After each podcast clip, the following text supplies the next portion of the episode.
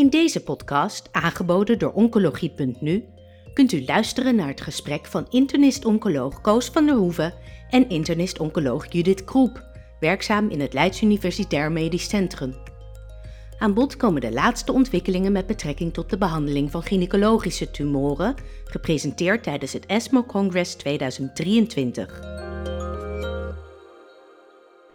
ESMO 2023 Madrid. Een heleboel informatie, ook over gynaecologische tumoren. En ik ga daarover praten met dokter Judith Kroep.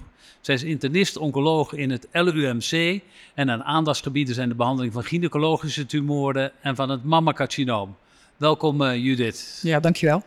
Judith, altijd komt op dit soort uh, conferenties komen de parapremmers bij het ovariumcarcinoom aan de orde. Zou je nog eens heel kort kunnen vertellen wat de status daarvan nu in Nederland is? Ja, zeker. Ja, de status is ook recent iets gewijzigd. In Nederland geven parpremmers uh, bij voor een hooggradig serieus of endometrioïd uh, platinumgevoelige ziekte. En in de eerste lijn uh, geven we, of laat ik het zo zeggen, olaparib geven we in de eerste lijn en bij recidief BRCA gemuteerd ovariumcarcinoom. En niraparib geven we in de eerste lijn bij HRD platinumgevoelige ziekte. Dus dat is eigenlijk sinds recent door de commissie BOM aangescherpt. Met uitzondering dan van de patiënten die upfront een complete debulking hebben gehad. Want die zaten namelijk niet in de prima-studie. En we geven, kunnen niraparib ook geven bij uh, het recidief platinumgevoelig ovariumcarcinoom. Ja, bij de ESMO was er een presentatie die kwam uit Hongkong. Dat ging eigenlijk ook alleen over patiënten met een ovariumcarcinoom die uit die regio kwamen. Met een middel dat heet Ceparinib. Dus een nieuwe parpremmer. Maar dat, dat liet wel verschil zien dat, dat, tussen de mensen die het wel kregen en niet kregen. Maar dat is in Nederland niet beschikbaar. Dus ik praat even verder over die parapremmers in Nederland. Je noemt de HRD, de homologe recombinatiedeficiëntie. Uh, wordt dat al bepaald in Nederland? Dus weten we dat van alle patiënten met een ovariumcarcinoom? Ja, dat is een goede vraag. Daar wordt veel onderzoek naar gedaan. Uh, sommige ziekenhuizen bepalen het al wel, uh, nog niet alle ziekenhuizen. En we hebben natuurlijk de Myriad-test, maar dat is een, een, een, kostbare test. Dus er gaat een onderzoek lopen uh, die die test met twee andere testen vergelijkt. En ook internationaal lopen er meerdere onderzoeken. Dus um, dat is nog niet helemaal homogeen internationaal. Dus je wil het wel graag weten. Ook ja. hier kwam dat vaak aan de orde. Maar de manier waarop dat getest moet worden, moet nog verder worden uitgezocht.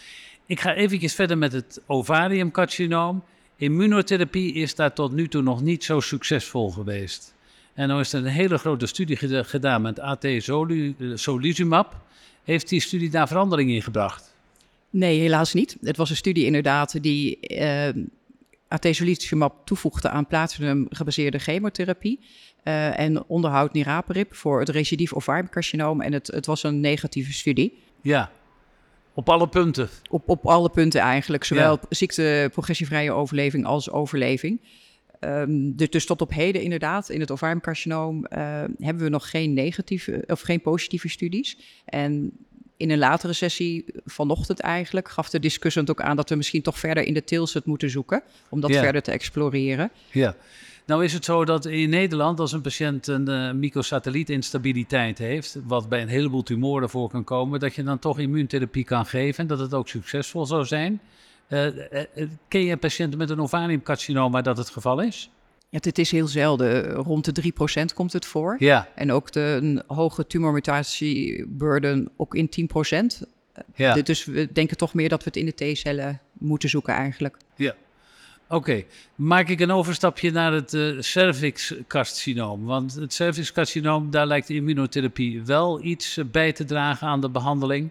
En er werd een studie gepresenteerd, de Keynote A18-studie, bij patiënten met een hoog risico cervixcarcinoom. Wat kan je over deze studie vertellen? Ja, dat was een uh, studie waar we naar uitkeken. Het bestudeerde de standaard chemoradiatie versus chemoradiatie plus pembrolizumab. Inderdaad, in hoog risico uh, cervixcarcinoom. Het is dan de uh, FIGO 3C en 4 van de nieuwe klassificatie. Ja. Um, en de pembrolizumab werd dan uh, vijf keer elke drie weken gegeven. Het primaire eindpunt was ziektevrije overleving en overleving. En de tweejaars ziektevrije overleving uh, was significant beter. Die ging omhoog van 21,7 naar 27 procent. Wel met een hersenratio van 0,7. En liet ook eigenlijk in alle subgroepen een voordeel zien. OS was niet matuur. Tweejaars OS ging dan van 81 naar 87. Ja. De tox eigenlijk zoals we het kennen. Dus op zich ja, werd het geconcludeerd de potentiële standaard. Een belangrijke verbetering in deze hoogrisicogroep. Maar voor Nederland moeten we echt uh, overlevingsdata afwachten. Ja, ja. Dus van 81 naar 87 procent na twee jaar. Dat zou kunnen betekenen dat de 6 op de 100 patiënten misschien genezen zijn door de toevoeging van de, van de pembrolizumab in dit geval. Ja, het, het is wel een, een high-risk groep, dus, dus het is wel interessante data. De, er komen ook nog einde van de middag uh, andere data in het cervixcarcinoom. Dat zijn, is de Interlace-studie met neoadjuvant chemotherapie. En er werd eigenlijk meer gediscussieerd dat dat interessant is voor low-middle income countries... die geen toegang hebben tot de nieuwe middelen. Dus ja. Dus de, maar ook, ja, dus dat is ook nog wel iets wat, wat nog later wordt bediscussieerd. Dus wel interessant om te volgen, maar nu nog niet rijp genoeg om daar een definitief advies over te geven in exact, Nederland. Ja, dus het is iets wat we in gaten moeten houden. Je hebt het al eventjes genoemd, die parpremus. Bij het ovariumcarcinoom niet zoveel, maar des te meer bij patiënten met het uh, endometriumcarcinoom.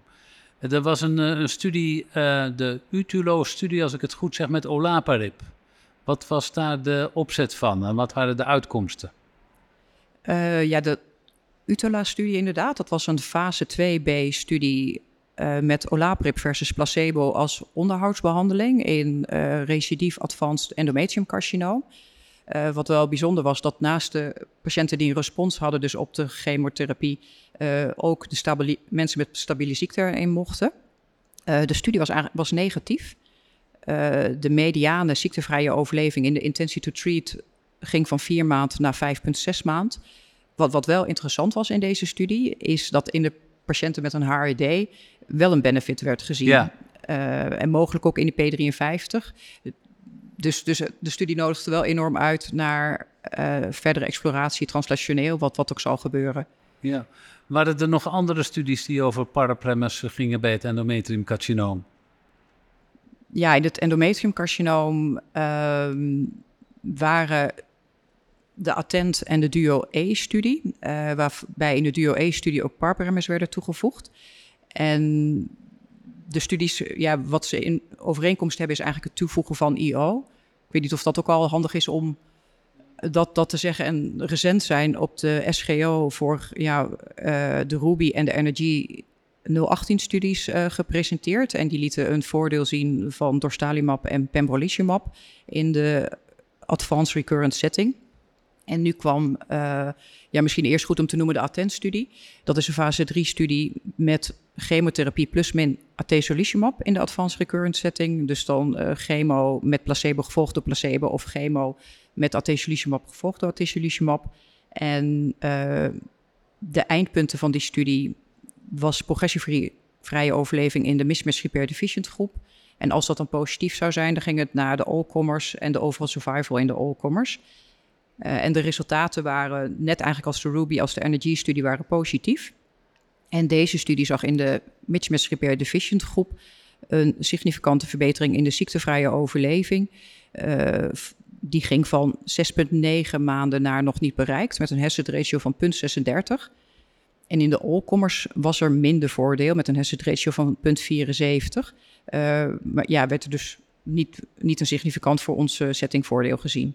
Over deze studie gaat het dus om de toevoeging van de immunotherapie, in dit geval atezolizumab. Hè? Ja, en ik zou inderdaad nu komen tot de studie waar ook op de parpremmen toegevoegd werd. Maar misschien dat ik nog even hierop terug mag komen, want je, je, ziet dus een heel groot verschil in de groep die de immunotherapie bij de chemotherapie heeft gehad. Ehm, en dat is dan vooral in de patiënten die een deficient mismatch repair hebben. Denk je dat die chemotherapie eigenlijk wel nodig is bij deze patiënten? Ja, dat, dat is inderdaad een, vraag die, die heel belangrijk is. Ik, ik denk het zelf eigenlijk niet eerlijk gezegd. En op dit moment lopen er ook uh, internationaal twee studies. Uh, dat is de Domenica-studie met dorstalimab en de uh, Keynote 93-studie met pembrolizumab. En die vergelijken in de eerste lijn chemotherapie versus monotherapie IO. En die resultaten verwachten we ook al best snel. En dan heb je nog niet de vergelijking met de chemo en IO. Ja. Maar het zal ons wel meer leren. En ja, de combinatie chemo met IO is dat uit de Ruby-studie met dorstalimab. Die is recent door de EMA en de FDA uh, goedgekeurd. In de eerste lijn, hè? In de Als eerste toevoeging lijn. aan de chemotherapie. Ja, dus dat is iets wat er echt wel aan zit te komen. En we kijken nu enorm uit naar die studies die dan toch kijken of chemo wel nodig is. En, en dat zal wellicht om een vervolgstudie weer vragen. Ja, en je noemde ook nog de, de NRG-GI 108-studie, waarbij pembrolizumab aan de chemotherapie was toegevoegd. Ja, die is eerder al op de SGO gepresenteerd. En ze gaven nu een presentatie van de uh, responsdata. En de mediane responsduur, dus ja, soort of ziektevrije overleving, die verbeterde dan met de pembrolizumab. En in de mismatch repair deficient groep ging dit van 6,2 maanden naar bijna 29 maanden. Met een hazard ratio ja, van 0,22, dus echt heel prachtig. En in de proficiënte groep was het ook significant. Van 6,2 maanden naar 9,2 maanden. Uh, met een hazard ratio van 0,47. En de, ze lieten hier dan ook zien, de vraag is in de mismatch repair deficient groep... of de methylatie of mutatiestatus nog van belang is. Daar zijn discordante data over. En in deze studie was het niet, kwam, dat er niet, kwam dat er niet uit. Mag je nou op basis van deze drie studies, of misschien nog wel meer, zeggen dat voor de mismatch repair gestoorde groep, dat daar de toevoeging van immunotherapie aan de chemotherapie eigenlijk ja, standard of care zou moeten zijn? Ja, op dit moment wel. En de vraag is dus of, of we het weg kunnen laten. Wat, wat, of de chemotherapie weg of, of. We de, ja, inderdaad. Of we de chemo weg kunnen laten. En nog een vierde studie die nu ook werd gepresenteerd. Dat is de DUO-E, uh, de NGOT-10-studie. Ja. En dat is een soortgelijke studie. Uh, die, controleert, die had alleen drie armen. Uh, dat was chemo plus placebo gevolgd door placebo, uh, of chemo met durvalumab, uh, ja. gevolgd door durvalumab en placebo, of chemo met durvalumab, gevolgd door durvalumab en olaparib. Dus die voegde ook nog een arm uh, met een parperemmer toe. En adjuvant chemo was dan toegestaan als er een ziektevrije platinum-free interval van 12 maanden was. Ja. Het eindpunt daar was duaal primair ziektevrije overleving in de intention to treat voor de, de controle versus toevoeging van Durva of de controle versus toevoeging van de combi. En die data waren wel interessant. Als je dan uh, in de mismatch repair deficient groep kijkt, uh, die was als verwacht hè, uit die andere drie studies uh, significant. Daar zagen we in de combi met durvalumab een hazard ratio voor, van 0,42 en in de combinatie met durvalumab en PARP 0,41. Dus eigenlijk hoef je dan in die repair deficient groep de PARP niet toe te voegen. Ja. In de proficiënte groep um, zag, werd er wel een voordeel gezien van toevoegen van de PARP-remmer. Daar was de hazard ratio uh, van alleen Durva 0,77, maar Durva en Olaparib 0,57. Dus daar lijkt toch wel een voordeel te zijn. En dan is die eerdere studie hè, die we bespraken, die Utola-studie weer van belang, dat je misschien ook TCT daar nog weer in preciseert. Um, ja, dus dat, dat was wel een, een fraaie nieuwe ontwikkeling. Maar als we het nou proberen een klein beetje samen te vatten en te kijken naar de, de, de Nederlandse situatie. Dus lijkt toch overtuigend bewijs dat toevoeging van immunotherapie bij patiënten met een gemetastaseerd of irresectabel endometriumcarcinoom, dat het een aanzienlijke verbetering geeft in de progressievrije overleving. En dat er een tendens is dat er ook verschil is in de overall survival. Ja, dat klopt. Is dat, ja. is dat de juiste conclusie? Ja. En nou hoor je bij al die studies dat je eigenlijk moet weten of de patiënten een mismatch repair hebben of niet. En dat je eigenlijk ook de HRD wil weten. En sommige studies geven ook aan dat je P53 gewoon standaard moet hebben. Misschien dat je nog wel meer moet weten. Is dat nog een pleidooi om, om, om toch meer te gaan testen dan we nu doen? Ja, zeker. En dat... Uh ik denk mismatch repair deficiency, dat doen we nu standaard, ook, ook uh, voor Lynch-syndroombepaling. Uh, ja. Uh, eigenlijk al op basis van de eerdere Portex-studies zagen we ook dat moleculaire klassificatie naast progno prognostische waarde ook van predictieve waarde is. En wordt eigenlijk al geadviseerd om ook inderdaad P53, POL-I en ja, hormoonreceptorstatus eventueel ook te bepalen. En, en dat was ook nog wel een hele mooie studie die ook vanochtend werd gepresenteerd van de Ruby-studie, werden de moleculaire klassificatiedata uh, lieten ze zien. Dus ze keken dan in uh, de subgroepen uh, die we kennen. Ja. En dan deden de patiënten met de POL-mute, ja, POL-I-mutatie het weer heel goed. Daar werd geen ziekteprogressie gezien. En de overall survival was in die groep 100%. Ja. Uh, in de mismatch repair deficient groep ging de twee jaar overall survival van 55 naar 77 procent. Uh, en wat opvallend was dat ook zelfs in de P53 groep ja. voordeel werd gezien. Ja. En in de restgroep, hè, de non-specific molecular uh, groep, werd geen voordeel gezien. Ja. Van het toevoegen dan van, van immunotherapie. Dus ik, inderdaad, voor de mismatch repair deficient groep komt het eraan. Dat kan elk moment vergoed worden.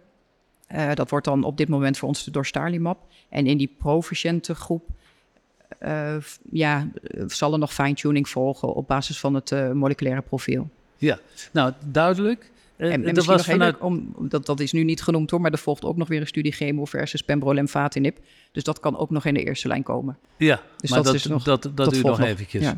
Van de Nederlandse bodem was er nog een interessante studie waarbij uh, pembrolizumab uh, pre-operatief gegeven werd bij patiënten met een endometriumcarcinoom. Uit de groep van Hans Nijman en werd prachtig gepresenteerd door Marco de Bruin. Kan je daar nog iets over zeggen? Ja, dat was inderdaad heel mooi. Dat uh, een vrije presentatie en ook een mooie vooruitstrevende studie met neoadjuvant pembrolizumab in patiënten met een uh, mismatch deficiënt endometriumcarcinoom. Het was een pilot in 10 patiënten. En de conclusies waren dat, de studie, dat het veilig is.